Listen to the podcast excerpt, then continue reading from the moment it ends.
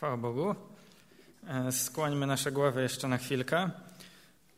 Panie Jezu, tak przychodzimy do Ciebie i e, proszę Cię o to, żebyś Ty pobłogosławił ten czas, kiedy będziemy słuchać Twojego słowa. Proszę Cię, żebyś mnie wypełnił Twoim duchem, żebym mógł je zwiastować tak, jak Ty chcesz, w sposób jasny, zrozumiały dla nas wszystkich. I proszę Cię o nasze serca, uszy, żeby były otwarte, żebyśmy przyjmowali to słowo, żebyśmy mogli Ciebie lepiej znać. Amen. E, chciałbym dzisiaj e, mówić na taki temat, który, e, który może się nam wydawać oczywisty. Chciałbym mówić o, o boskości Pana Jezusa.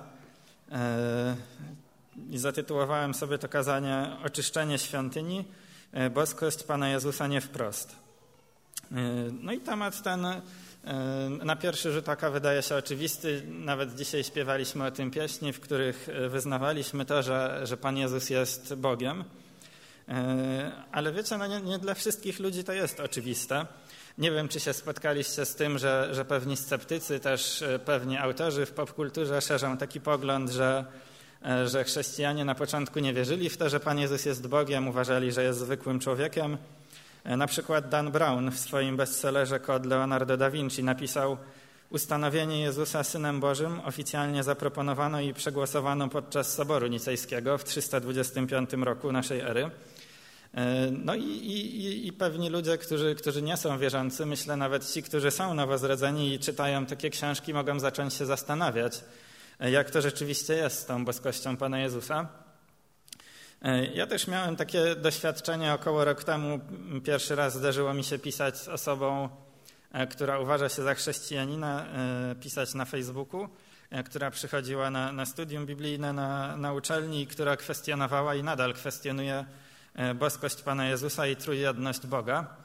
E, ta osoba uważa po prostu, że Pan Jezus jest Synem Bożym, ale nie jest e, Bogiem, nie jest równy Bogu Ojcu.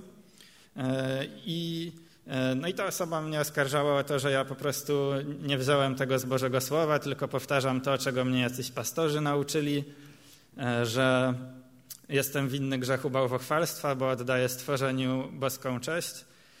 No i wiecie, jak człowiek słyszy takie oskarżenia, no to to się zastanawia, czy, czy na pewno dobrze wierzy, czy na pewno e, Biblia mówi o tym, że Pan Jezus jest Bogiem i jest równy Bogu Ojcu.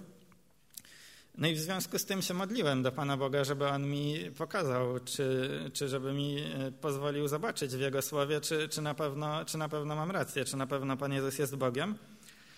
E, I odpowiedź na tę modlitwę przyszła. Nie przyszła od razu i przyszła w taki sposób, jakiego się nie spodziewałem. E, po prostu właśnie na, na któreś kolejne studium biblijne na uczelni przygotowywałem e, rozważanie na temat oczyszczenia świątyni. E, I, I, patrząc na ten fragment, no, nie przypuszczałbym, że zobaczy tam boskość Pana Jezusa, a ją tam widać, widać ją na wiele sposobów. No i chciałbym, żebyśmy razem rozważyli ten fragment i, i zobaczyli, zobaczyli na jakie, w jaki sposób Pan Jezus pokazywał to, że jest Bogiem i że jest równy Bogu Ojcu. Także otwórzmy Ewangelię Mateusza, 21 rozdział i, i przeczytamy ten fragment, który mówi właśnie o tym, jak Pan Jezus wypędził przekupniów ze świątyni. Ewangelia Mateusza, 21 rozdział i będziemy czytać od 12 e, wersetu.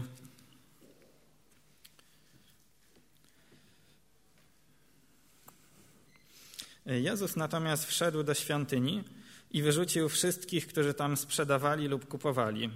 Poprzewracał stoły wymieniających pieniądze oraz stragany sprzedawców gołębi. Mówił przy tym, napisano, mój dom będzie nazwany domem modlitwy, a wy zrobiliście z niego jaskinię zdzierców. W świątyni zbliżyli się do niego niewidomi i kulejący, a on ich uzdrowił. A arcykapłani oraz znawcy prawa oburzali się na widok niezwykłych rzeczy, które Jezus czynił, oraz dzieci, które wołały w świątyni Hosanna synowi Dawida. Czy słyszysz, co one mówią? Pytali.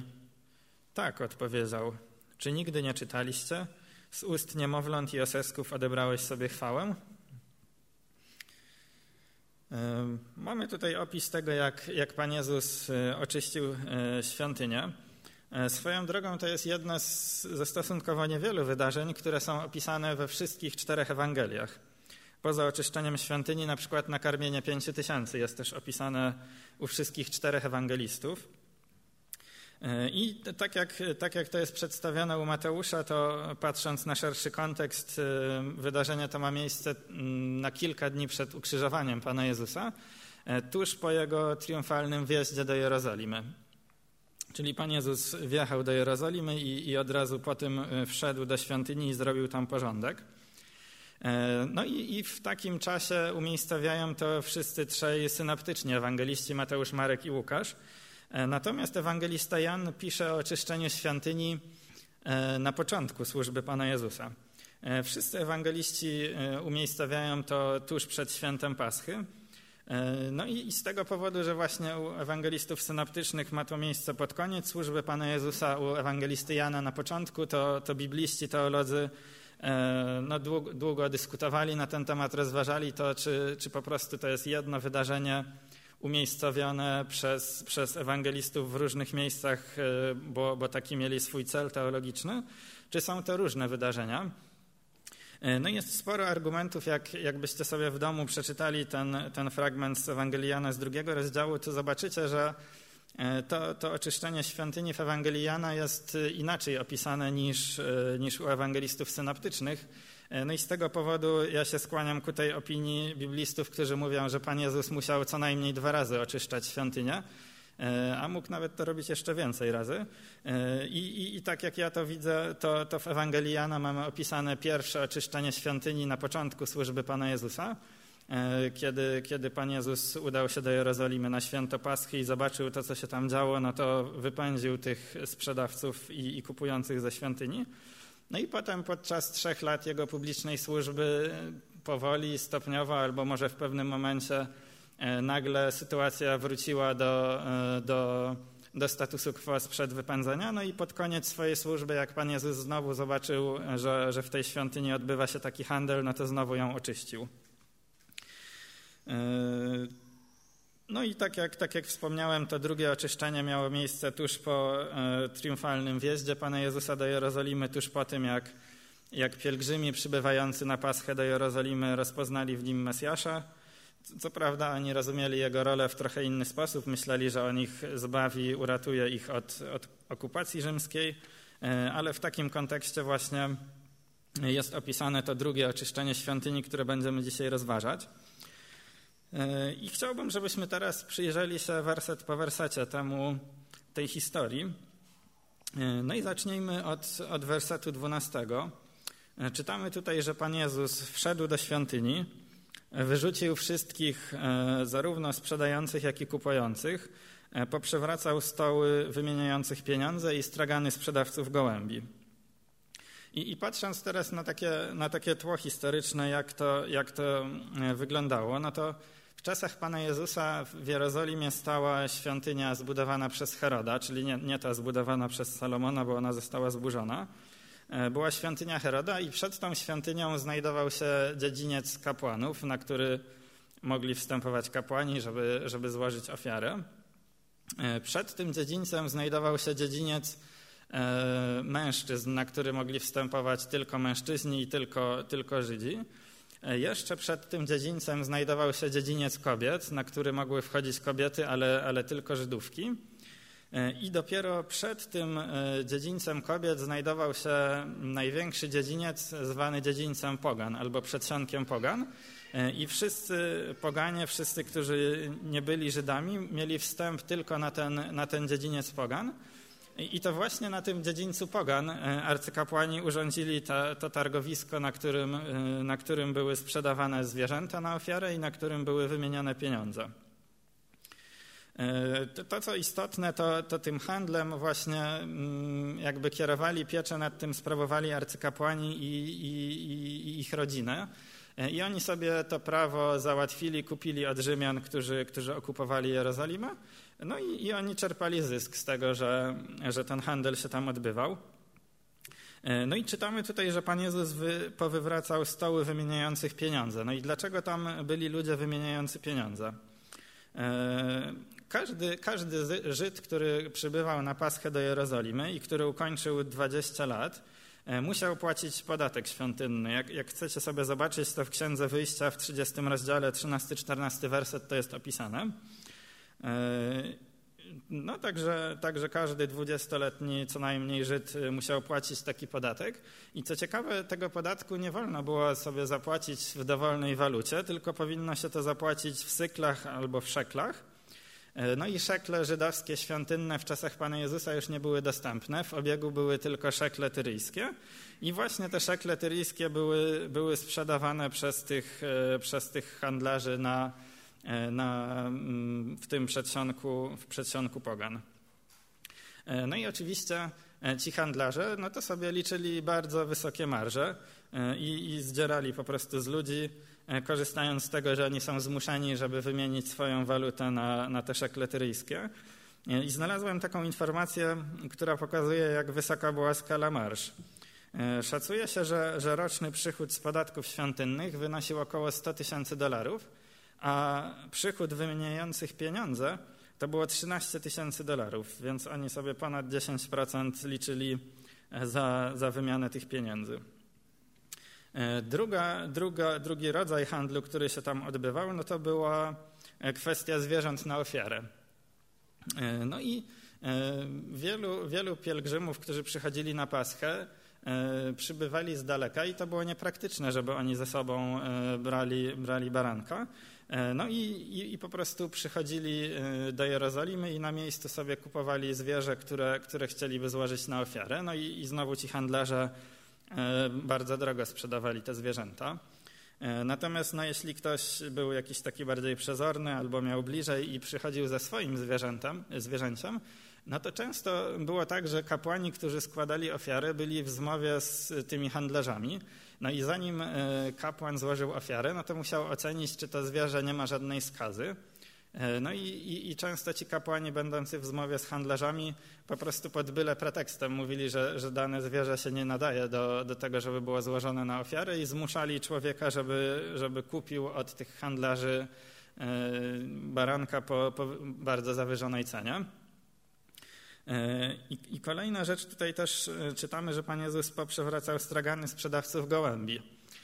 E, gołębie z kolei związane są z tym, że, że najubożsi ludzie, których nie było stać na baranka, na, na jakiegoś cielca, no to prawo przewidywało, że oni mogą złożyć na ofiarę gołębie. No i, i, i, nawet te gołębie były sprzedawane po, po, po zawyżonych cenach i nawet, nawet tacy najubożsi ludzie byli E, byli wykorzystywani przez, przez tych handlarzy. E, no i z tego powodu Pan Jezus był bardzo oburzony tym, tym, co tam zobaczył i z tego powodu e, oczyścił świątynię. taki jest mniej więcej kontekst tego, co tam się wydarzyło. Natomiast chciałbym, żebyśmy zrobili sobie taki eksperyment myślowy, bo, bo większość z nas bardzo dobrze zna tą historię, jesteśmy przyzwyczajeni do niej i no, tak sobie myślimy, Pan Jezus oczyścił świątynię. Ale chciałbym, żebyśmy sobie to wyobrazili, jakby to w dzisiejszych czasach mogło wyglądać. I wymyśliłem taki przykład trochę ze swojego podwórka. E, no wyobraźcie sobie, że, że w dużej auli w gmachu głównym Politechniki Warszawskiej są na przykład targi pracy. E, no i tam jest wtedy mnóstwo takich stanowisk i, i, są przedstawiciele firm, jest mnóstwo studentów, którzy z nimi rozmawiają, dowiadują się, jak wygląda praca w tych firmach. No i wyobraźcie sobie, że E, no oczywiście, jeśli coś takiego się odbywa, no to, to, to, to ma, e, została wyrażona zgoda przez rektora czy jakiegoś kanclerza, przez, przez osobę, która ma władzę. No i wyobraźcie sobie, że przychodzi ktoś, e, szeregowy pracownik, na przykład ja przychodzę i mówię, co tutaj się dzieje i zaczynam wypędzać tych wszystkich ludzi, tych wszystkich studentów, tych przedstawicieli firm i mówię, że to, to, tutaj jest miejsce, gdzie się kształci ludzi, a nie gdzie jakieś krwiożercze korporacje się reklamują i wynocha stąd. No i, i, jak ja sobie o tym myślę, to, to się uśmiecham, no bo to jest totalna abstrakcja, nie? totalnie niedorzeczne, żeby ktoś coś takiego robił. E, ale mniej więcej zobaczcie, że to jest coś, co zrobił Pan Jezus. Tak? Ten handel tam się odbywał pod, e, za zgodą arcykapłanów i, i Pan Jezus no, nawet nie mieszkał w Jerozolimie, wędrowny nauczyciel przychodzi i, i, i wypędza ludzi z tego, z tego miejsca, z tego przedsionka. I, I, myślę, że taki, taki prosty eksperyment myślowy pozwala nam, nam coś zobaczyć. Tak? Jeśli dajmy na to, ja bym wypędzał tych ludzi z, z gmachu głównego Politechniki, no to myślę, że pierwsze pytanie, jakie by się pojawiało do mnie, no to kto mi pozwolił to robić, tak? Kim ja tutaj jestem, że, że robię coś takiego, że robię takie porządki? Przecież mamy zgodę na to, żeby tu się odbywało to, nie? Czyli, czyli y, to pokazuje nam, że skoro, y, skoro Pan Jezus coś takiego zrobił, wypędził tam y, tych ludzi ze świątyni, no to znaczy, że On poczuwał się do tego, że ma taki autorytet, tak? że jest gospodarzem tego miejsca i dlatego może ich stamtąd wypędzić. I, I, myślę, że to jest, to jest kluczowa sprawa, bo to jest, y, to jest pierwszy sposób, na jaki Pan Jezus nam pokazuje, że jest Bogiem.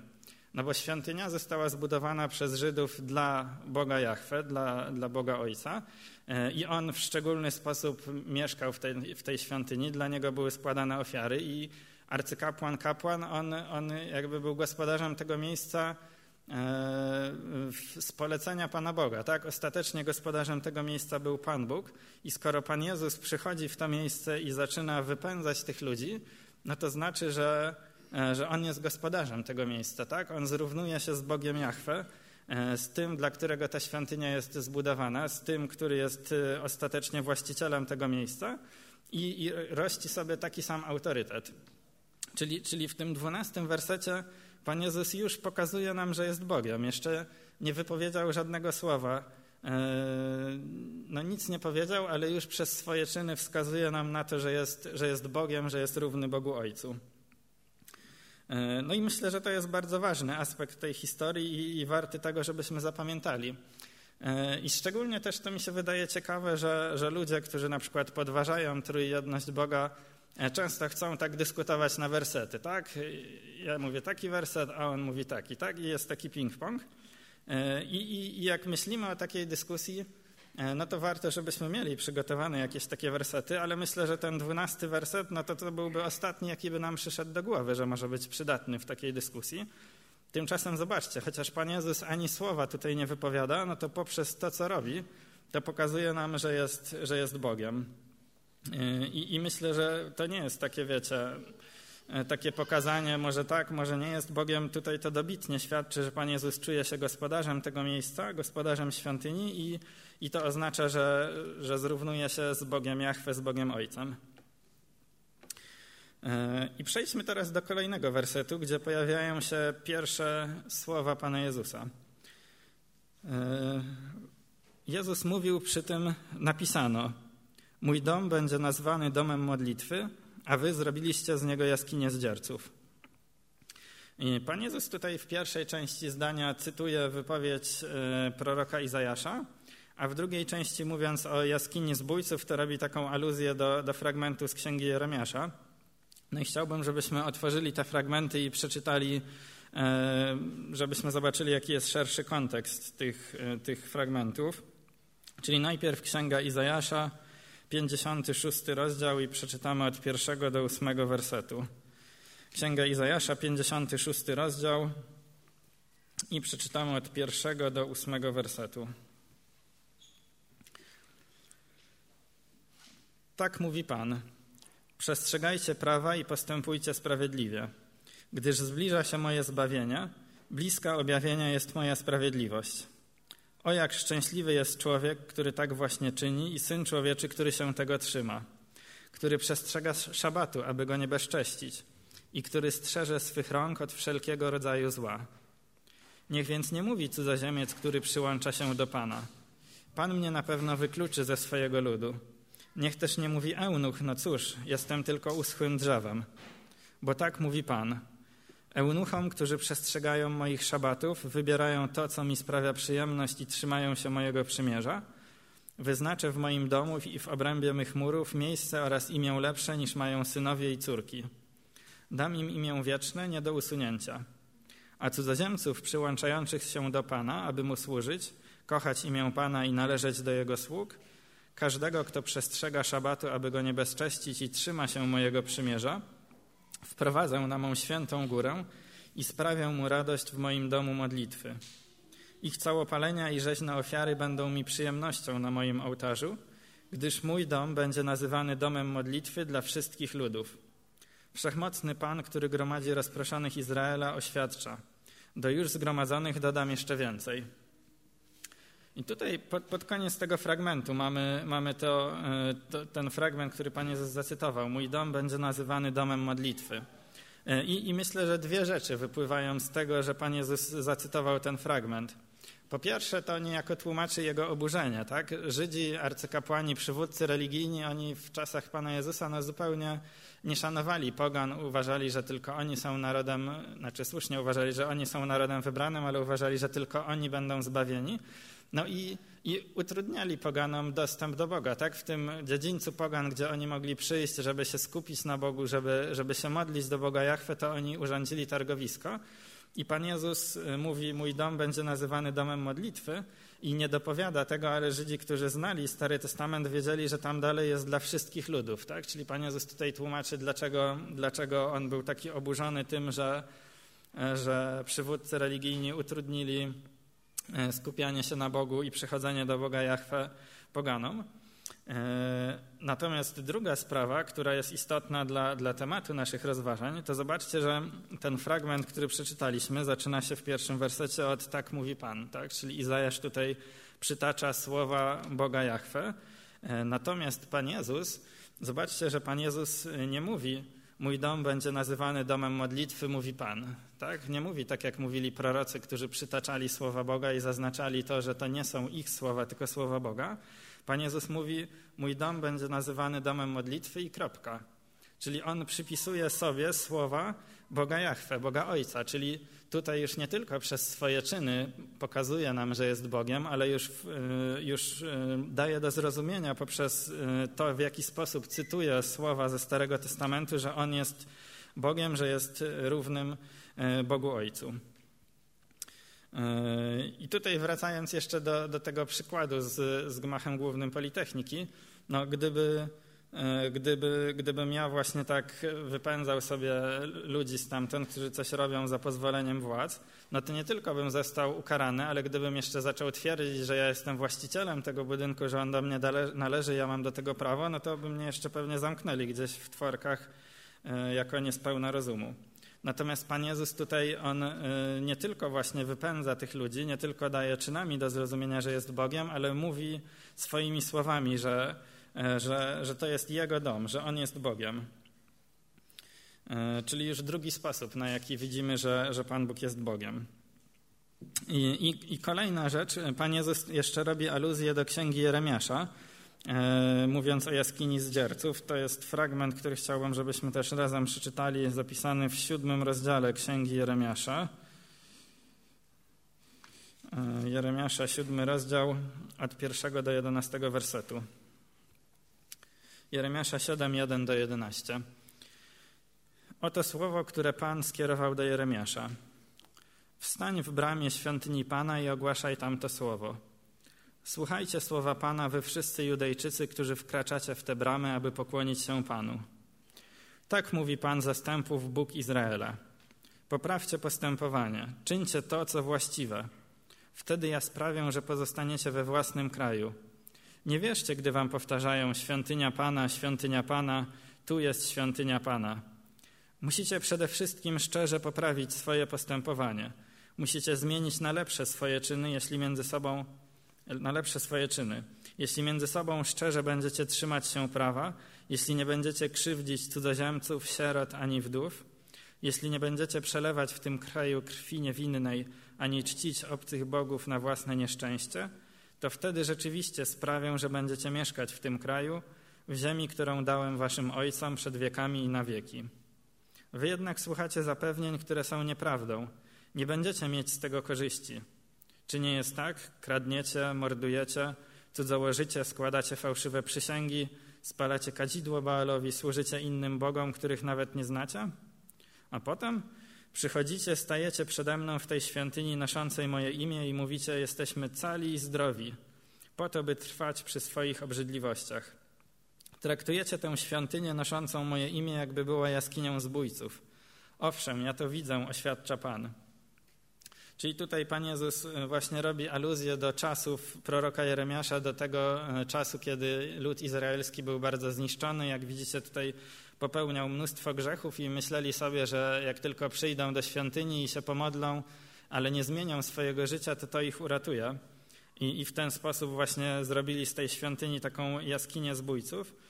No i Pan Jezus tutaj pokazuje, że, że no, on to widzi tą sytuację, która, która ma miejsce w jego czasach bardzo podobnie jak, jak to było tuż przed uprowadzeniem Izraelitów do Babilonu, kiedy oni byli bardzo z, z, no, duchowo bardzo upadli. I, I, może być tak, że Pan Jezus tutaj też wytacza takie podwójne oskarżenie przeciwko e, przywódcom religijnym o to, że, że rabują ludzi finansowo poprzez drożyznę przy sprzedawaniu zwierząt na ofiary i wymianie pieniędzy oraz takie rabowanie duchowe poprzez uniemożliwianie e, poganom prawdziwe poznanie Boga.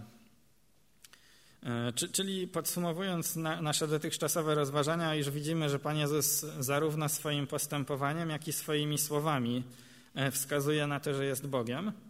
E, I, I, przechodzimy do wersetu 14, do wersetu, który, który dla mnie na pierwszy rzut oka był taki dziwny, taki jakby przerywnik, tak? bo czytamy tutaj, że w świątyni zbliżyli się do Jezusa niewidomi i kulejący, a on ich uzdrowił. No i sobie myślę, no, co to ma w ogóle do rzeczy? Po co, po co Mateusz e, nam o tym pisze? To tak jakby przerywał tutaj tą narrację związaną z oczyszczeniem świątyni. E, I, I, jak zacząłem szukać, czytać na ten temat, to, mm, to okazało się, że to nie były takie w cudzysłowie, wiecie, zwykłe, zwykłe uzdrowienia. E, no, każde uzdrowienie jest niezwykłe, ale to były takie uzdrowienia, które były też wypełnieniem znaków, które były zapowiedziane w Starym Testamencie, że, że Mesjasz będzie tak robił. E, I u proroków Izajasza, Jeremiasza, Michała i Sofoniasza e, czytamy o tym, że jak przyjdzie Mesjasz, to będzie otwierał oczy niewidomym, będzie e, uzdrawiał kulejących i też oba te znaki razem obok siebie są wymieniane. Także ten czternasty werset to on jest tutaj właśnie bardzo ważny, bo tutaj znowu Pan Jezus w kolejny sposób pokazuje to, że jest Mesjaszem i że jest Bogiem poprzez wypełnianie starotestamentowych proroctw.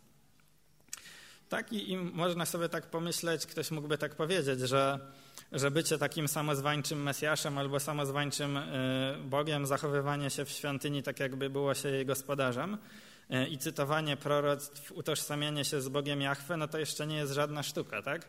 Każdy, kto jest wystarczająco odważny albo kto jest niespełna rozumu, no to może sobie coś takiego zrobić y, i ponieść konsekwencje. Ale uzdrowienie kulejących, uzdrowienie niewidomych, no to już nie jest takie byle co, tak? To już nie jest tak, że ktoś sobie samozwańczo tak będzie kogoś uzdrawiał, jeśli nie ma odpowiedniej mocy. I Pan Jezus pokazuje nam tutaj, że On nie jest tylko jakimś odważnym, samozwańczym y, Mesjaszem albo kimś niespełna rozumu, bo pokazuje też, że ma moc i, i wypełnia znaki, które zostały zapowiedziane, że będą towarzyszyć Mesjaszowi. Więc ten czternasty werset, on, on jest tutaj bardzo ważny. To nie jest tylko taki przerywnik, tylko, tylko to jest istotna informacja, którą, którą dostajemy. I, I, myślę, że to też nam pokazuje, że, że Pan Jezus, chociaż się sprzeciwia tym przywódcom religijnym, to On im cały czas okazuje łaskę, tak? Bo On znowu tutaj dokonuje czegoś, co było zapowiedziane. I jeśli tylko oni by się chcieli upamiętać, przypomniałoby im się, co jest napisane w, w Piśmie, w Piśmie Świętym, to, to oni mogliby się upamiętać i zobaczyć to, że, że Pan Jezus wypełnia znaki, które były zapowiedziane, e, że, że Mesjasz się będzie robić. I, i, I po tym czternastym wersecie, po tym e, takim okazaniu łaski arcykapłanom, znawcom prawa, zobaczmy, co, jak oni reagują. I, I to jest kolejny werset. Czytamy, że oni na widok niezwykłych rzeczy, które Jezus czynił, oraz dzieci, które wołały w świątyni Hosanna synowi Dawida, E, a, przeskoczyłem. Oni oburzali się na widok tego. E, ich, ich serce pozostawało nieczułe, pozostawało zatwardziałe, e, pomimo ogromu łaski, jaką, jaką otrzymali. I, I, co ciekawe, w tym, w tym 15 wersecie Mateusz maluje przed naszymi oczami taki obraz i, i zestawia po jednej stronie dojrzałych mężczyzn, arcykapłanów, znawców prawa, którzy, którzy powinni i, i myślę, że w dużej mierze znali doskonale Stary Testament, e, którzy powinni rozpoznać w nim Mesjasza, a tego nie robią i się oburzają, a po drugiej stronie zestawia chłopców, którzy, którzy wołali Hosanna synowi Dawida, którzy rozpoznali w Panu Jezusie Mesjasza. Taki bardzo ciekawy obraz, bardzo takie ciekawe zderzenia. Tutaj możecie się trochę dziwić, czemu mówię, że chłopców, jak w tym moim przekładzie jest dzieci i w większości polskich przekładów jest dzieci. Natomiast to, to greckie słowo, które tam jest użyte, to jest słowo, które dosłownie oznacza chłopców. I ono też było użyte w Ewangelii Łukasza, drugim rozdziale, 43 wersecie do dwunastoletniego Pana Jezusa, który po raz pierwszy udał się na święto Paschy ze swoimi rodzicami. E, także prawdopodobnie ci chłopcy, którzy wołali w świątyni, no to byli dwunastolatkowie, którzy pierwszy raz ze swoimi rodzicami przyszli do Jerozolimy. Może troszkę starsi chłopcy, którzy, którzy już tam drugi, trzeci raz e, są w Jerozolimie. No i oni po prostu powtarzali to, co słyszeli chwilę wcześniej podczas, podczas triumfalnego wjazdu Pana Jezusa do, do Jerozolimy. E, no i możemy się jeszcze zastanawiać, czy ta, ten okrzyk Hosanna synowi Dawida, czy to, czy to jest znaczące, jakby jak, jaką treść on ze sobą niesie. No i znowu on niesie ze sobą e, dużo, dużo treści. Po pierwsze, oni nazywają Pana Jezusa synem Dawida, czyli wskazują na to, że, że Pan Jezus jest y, z linii królewskiej, tak? że on jest dziedzicem e, tronu królów izraelskich jako potomek Dawida. I to znowu też jest związane z proroctwami, które mówiły, że Mesjasz będzie, pojawi się w linii, e, w linii króla Dawida. I po drugie, oni tutaj wołają Hosanna. Hosanna to jest taka grecka transliteracja hebrajskiego wykrzyknienia proszę zbaw nas. Czyli to jest taki, taki okrzyk, który znowu mm, Izraelici kierowali do, do Boga Ojca. To jest okrzyk, który był kierowany do, do Boga, do Zbawiciela. Tak? Czyli to znowu wskazuje, że, że ludzie, że te dzieci, e, ci chłopcy rozpoznali w Panu Jezusie Boga i Zbawiciela.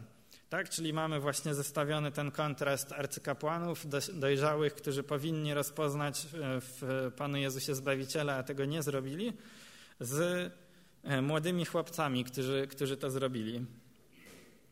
E, I co ciekawe, tutaj to, mm, to, to wykrzyknienie tych, tych dzieci to znowu też nie są jakby ich słowa, tylko to jest cytat z Psalmu 118. Myślę, że nie musimy tego otwierać, ja po prostu to przeczytam.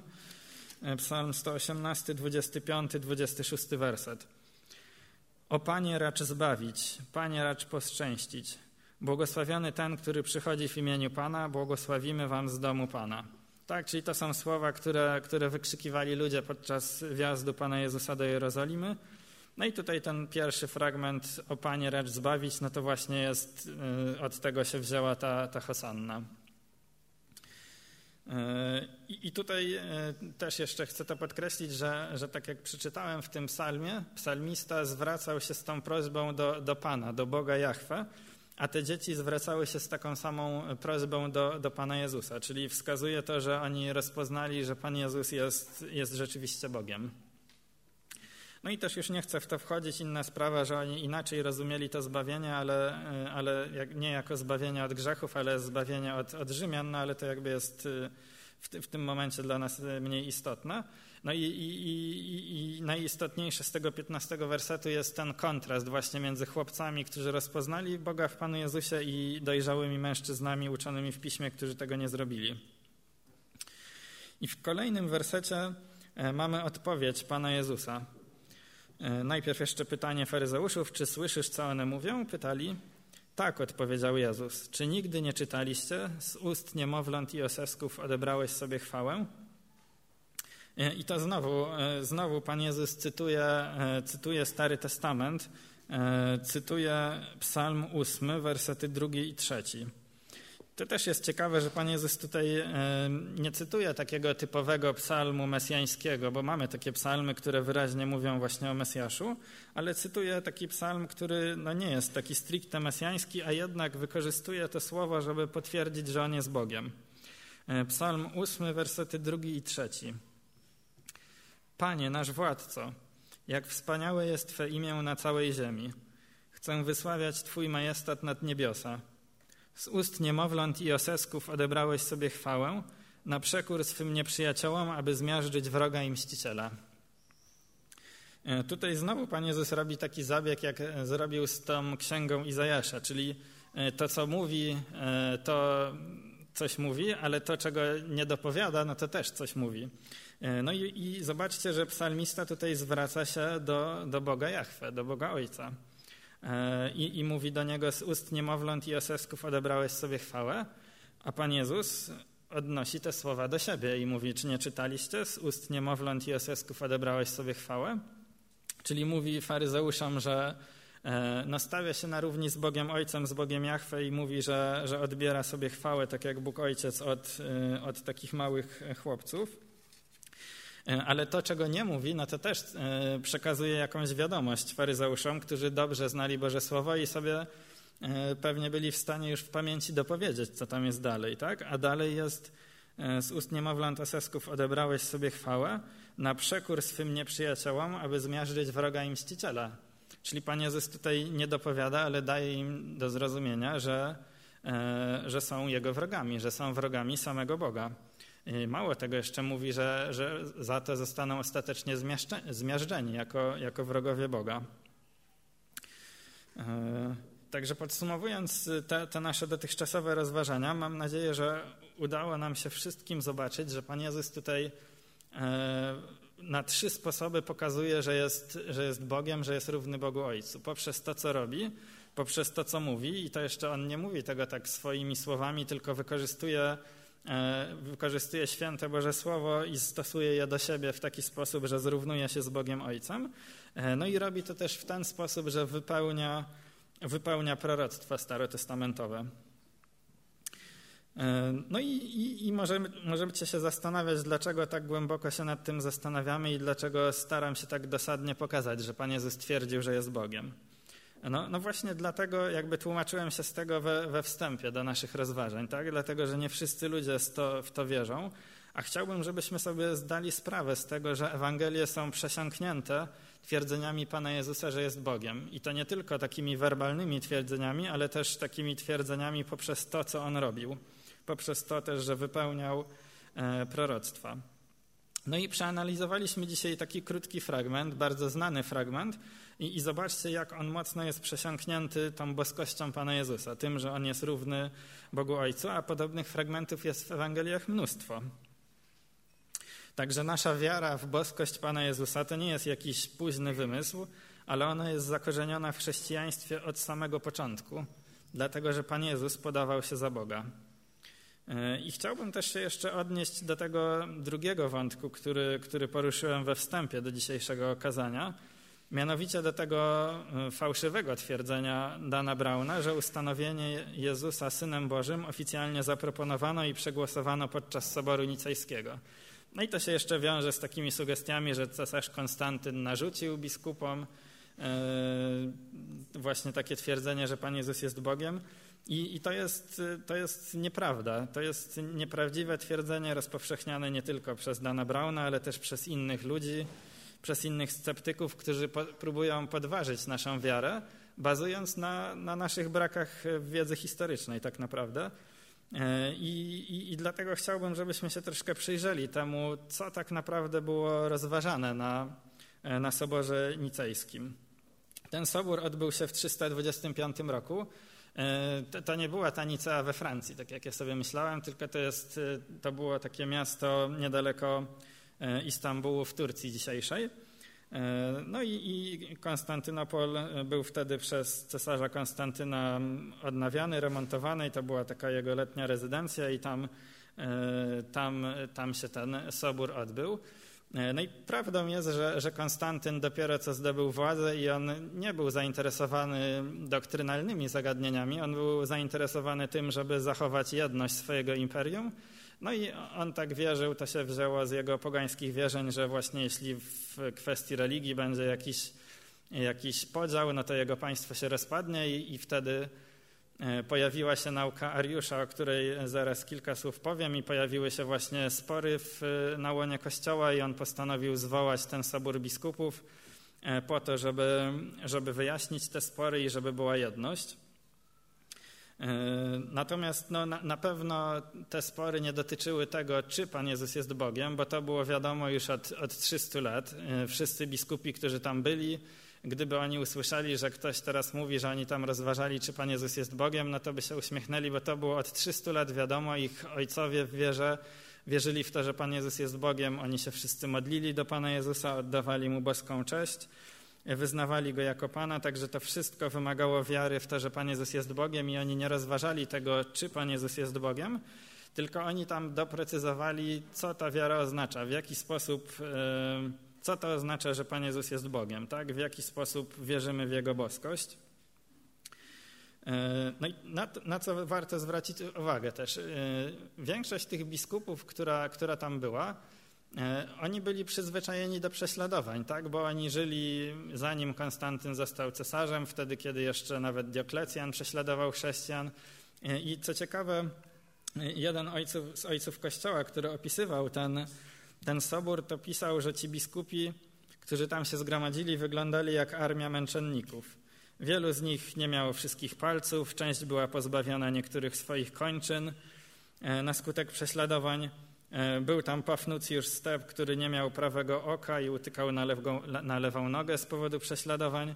Także twierdzenie, że ci biskupi, którzy tam byli, to oni by się poddali naciskom e, cesarza Konstantyna i, i dostosowali doktrynę chrześcijańską do jego widzimisię, to jest w najlepszym wypadku naiwne, no a, a w najgorszym nieuczciwe. Oni byli, że tak powiem, zaprawieni w bojach, prześladowaniach, więc to nie byli tacy ludzie jak chorągiewki na wietrze, którzy by się dali, dali tak e, zmanipulować cesarzowi. E, zresztą sam cesarz, on się w te spory doktrynalne nie, nie włączał. On miał takiego e, sekretarza Chozjusza, który, który prowadził ten sobór e, i, i to on tam wypowiadał się w kwestiach doktrynalnych. No i, i, tematem soboru była, było rozprawienie się z coraz bardziej popularną nauką Ariusza, takiego prezbitera z Aleksandrii, który nauczał, że Syn Boży czyli Pan Jezus, dzielił z Ojcem wszystkie boskie atrybuty za wyjątkiem wieczności. Czyli on e, e, twierdził, że Bóg Ojciec stworzył Syna z niczego przed stworzeniem świata, ale stworzył go e, i potem powierzył mu za zadanie stworzenie całego świata. No i Ariusz miał duży talent retoryczny i on też chciał, żeby ta jego nauka się tak mocno szerzyła i on ubierał swoje nauczanie w takie rymowane, zwięzłe hasła, które miały być powtarzane przez, przez ludzi i rozprzestrzeniać się po całym cesarstwie. No i on sobie taki grecki rym ułożył, który można by przetłumaczyć na polski w taki sposób. E, był taki czas, gdy jego nie było. E, no, czyli ta esencja jego nauczania była taka, że, że Pan Jezus nie jest wieczny, Syn Boży nie jest wieczny i, i był taki moment, że, że on nie istniał. E, no i, i Ariusz nie mógł wziąć udziału w tym soborze, tak jak wspomniałem, był prezbiterem, a nie biskupem, a tam tylko biskupi mogli być. No i jego stanowisko zostało przedstawione przez jego protektora, przyjaciela Eusebiusza z Nikomedii, u którego on się schronił po tym, jak został wygnany z e, Aleksandrii. E, no i ten Eusebiusz przedstawił pogląd Ariusza, no i on to przedstawił w taki sposób, że Pan Jezus właśnie jest skończony, że był taki czas, kiedy nie istniał. No i to się spotkało z oburzeniem znakomitej większości biskupów, którzy tam byli. E, tak dokładnie ilu ich tam było, nie wiadomo, prawdopodobnie około 250. Także jeszcze raz chcę to powtórzyć, że prawdziwym tematem sporów w Nicei było dookreślenie, w jaki sposób Pan Jezus jest Bogiem, a nie to, czy jest Bogiem. E, no i, i, później po tym przedstawieniu stanowiska Ariusza nastąpiła taka właśnie bitwa na wersety, kiedy oni się przerzucali argumentami. E, i ostatecznie e, tych biskupów było około 250, kilkunastu tam było zwolenników nauki Ariusza. I wszyscy poza dwoma biskupami podpisali wyznanie wiary, które obecnie znamy jako, jako nicejskie wyznanie wiary. No i chciałbym e, przeczytać e, tłumaczenie na język polski tego, tego nicejskiego wyznania wiary, żebyśmy wiedzieli, e, no, co tam zostało ustalone i, i też zdawajmy sobie sprawę z tego, że to, to nie było jakieś nowum, tak? Po prostu to, w co chrześcijanie wierzyli już od 300 lat przed tym zjazdem, zostało po prostu w formie spisanej, mm, w miarę precyzyjnej przedstawione. Czyli tak, to jest nicejskie wyznanie wiary. Wierzymy w jednego Boga Ojca Wszechmogącego, Stworzyciela wszystkich rzeczy widzialnych i niewidzialnych i w jednego Pana, Jezusa Chrystusa, Syna Bożego, zrodzonego z Ojca, jednorodzonego, to jest z istoty Ojca, Boga z Boga, światłość ze światłości, Boga prawdziwego z Boga prawdziwego, zrodzonego, a nie uczynionego, współistotnego Ojcu, E, przez którego wszystko się stało, co jest w niebie i co jest na ziemi, który dla nas ludzi i dla naszego zbawienia zstąpił i przyjął ciało, stał się człowiekiem, cierpiał i zmartwychwstał trzeciego dnia, wstąpił do nieba, przyjdzie sądzić żywych i umarłych. I w Ducha Świętego, e, to jest kontynuacja tego, że wierzymy. I potem ostatnia, ostatni akapit, który właśnie mówi to, co było rozważane na tym soborze. Tych, którzy mówią, był kiedyś czas, kiedy go nie było, lub zanim się narodził, nie był, lub stał się z niczego, lub pochodzi z innej hipostazy, to znaczy z innej substancji niż ojciec, lub że Syn Boży jest zmienny i przeobrażalny, tych wszystkich powszechny i apostolski Kościół wyłącza. Czyli podsumowując, e, nie dajmy sobie wmówić, że, że boskość Pana Jezusa została dopiero wymyślona i ogłoszona na Soborze w Nicei i że to było zrobione pod naciskiem cesarza Konstantyna. E, oba te twierdzenia są e, nieprawdziwe, no i świadczy o tym nie tylko historia, o której krótko chciałem wspomnieć, ale przede wszystkim Słowo Boże i, i, przede wszystkim, znaczy przede wszystkim między innymi ten fragment, który, który dzisiaj rozważaliśmy, w który jest przesiąknięty tym, że, że Pan Jezus jest Bogiem. E, I kończąc, chciałbym się na początek zwrócić do, do wszystkich osób, które, które może są tutaj po raz pierwszy, do wszystkich osób, które, które oglądają naszą transmisję może po raz pierwszy.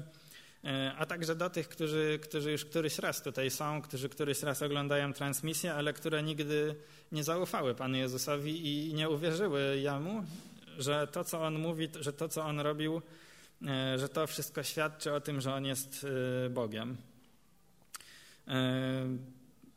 Pan Jezus jest nie tylko naszym Stwórcą, tak jak, tak jak o tym czytaliśmy chociażby w tym, w tym nicejskim wyznaniu wiary, ale On jest też, też naszym Zbawicielem i On, będąc Bogiem, przyjął na siebie e, postać człowieka, stał się człowiekiem i, i, i wycierpiał e, za nasze życie. Wycierpiał za nasze grzechy, poniósł karę, która nam się należała. E, I On teraz nas zachęca do tego, żebyśmy przyjęli tą ofiarę, którą dla nas złożył.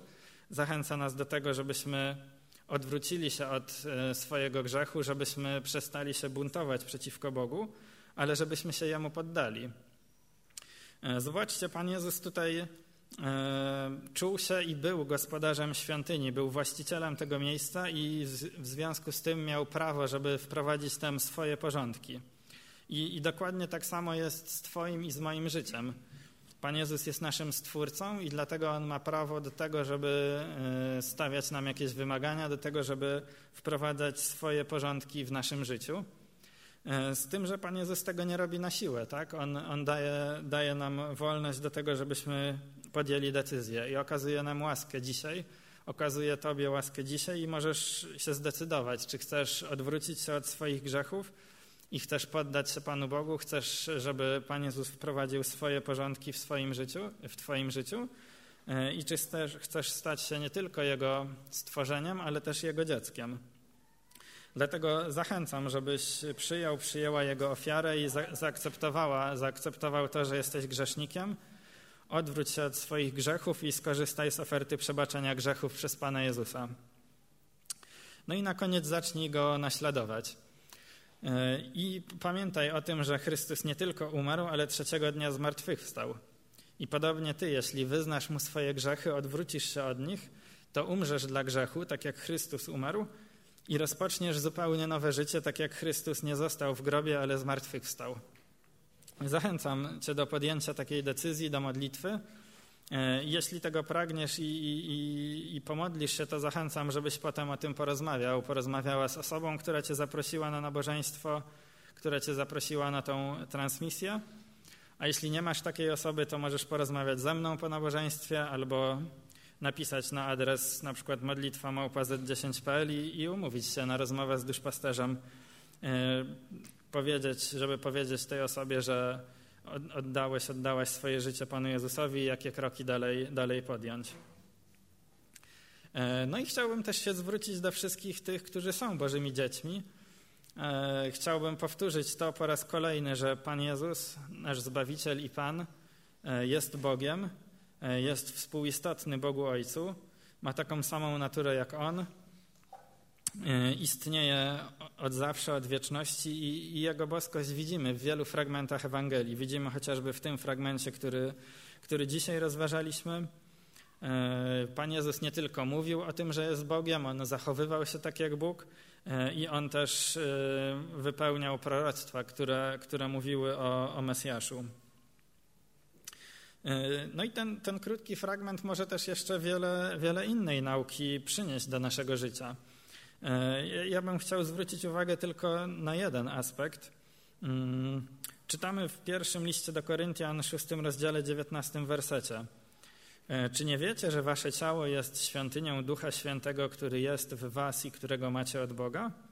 Oraz, że już nie należycie do siebie samych, gdyż za ogromną cenę zostaliście kupieni.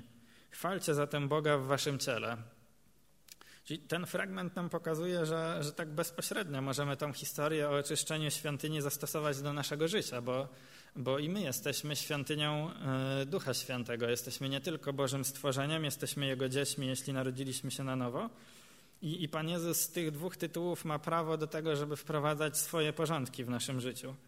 I chciałbym nas zachęcić, żebyśmy popatrzyli na swoje życie, żebyśmy się modlili do Pana Boga, żeby nam pokazał, czy, czy wszystko się Jemu podoba w naszym życiu i, i żebyśmy korygowali swoje życie, jeśli coś, coś mu się nie podoba, bo, e, bo jeśli tego nie zrobimy, to, to Pan Jezus przyjdzie i On sam po prostu zrobi porządek w naszym życiu. I, i, i myślę, że no lepiej by było, gdybyśmy Go do tego, że tak powiem, nie zmuszali, tylko, tylko sami e, prosili Go o to, żeby nam pokazał, jak, jak wygląda nasze życie i, i czy ono się Jemu podoba i żebyśmy je korygowali. Także zachęcam nas do, do modlitwy, powstańmy.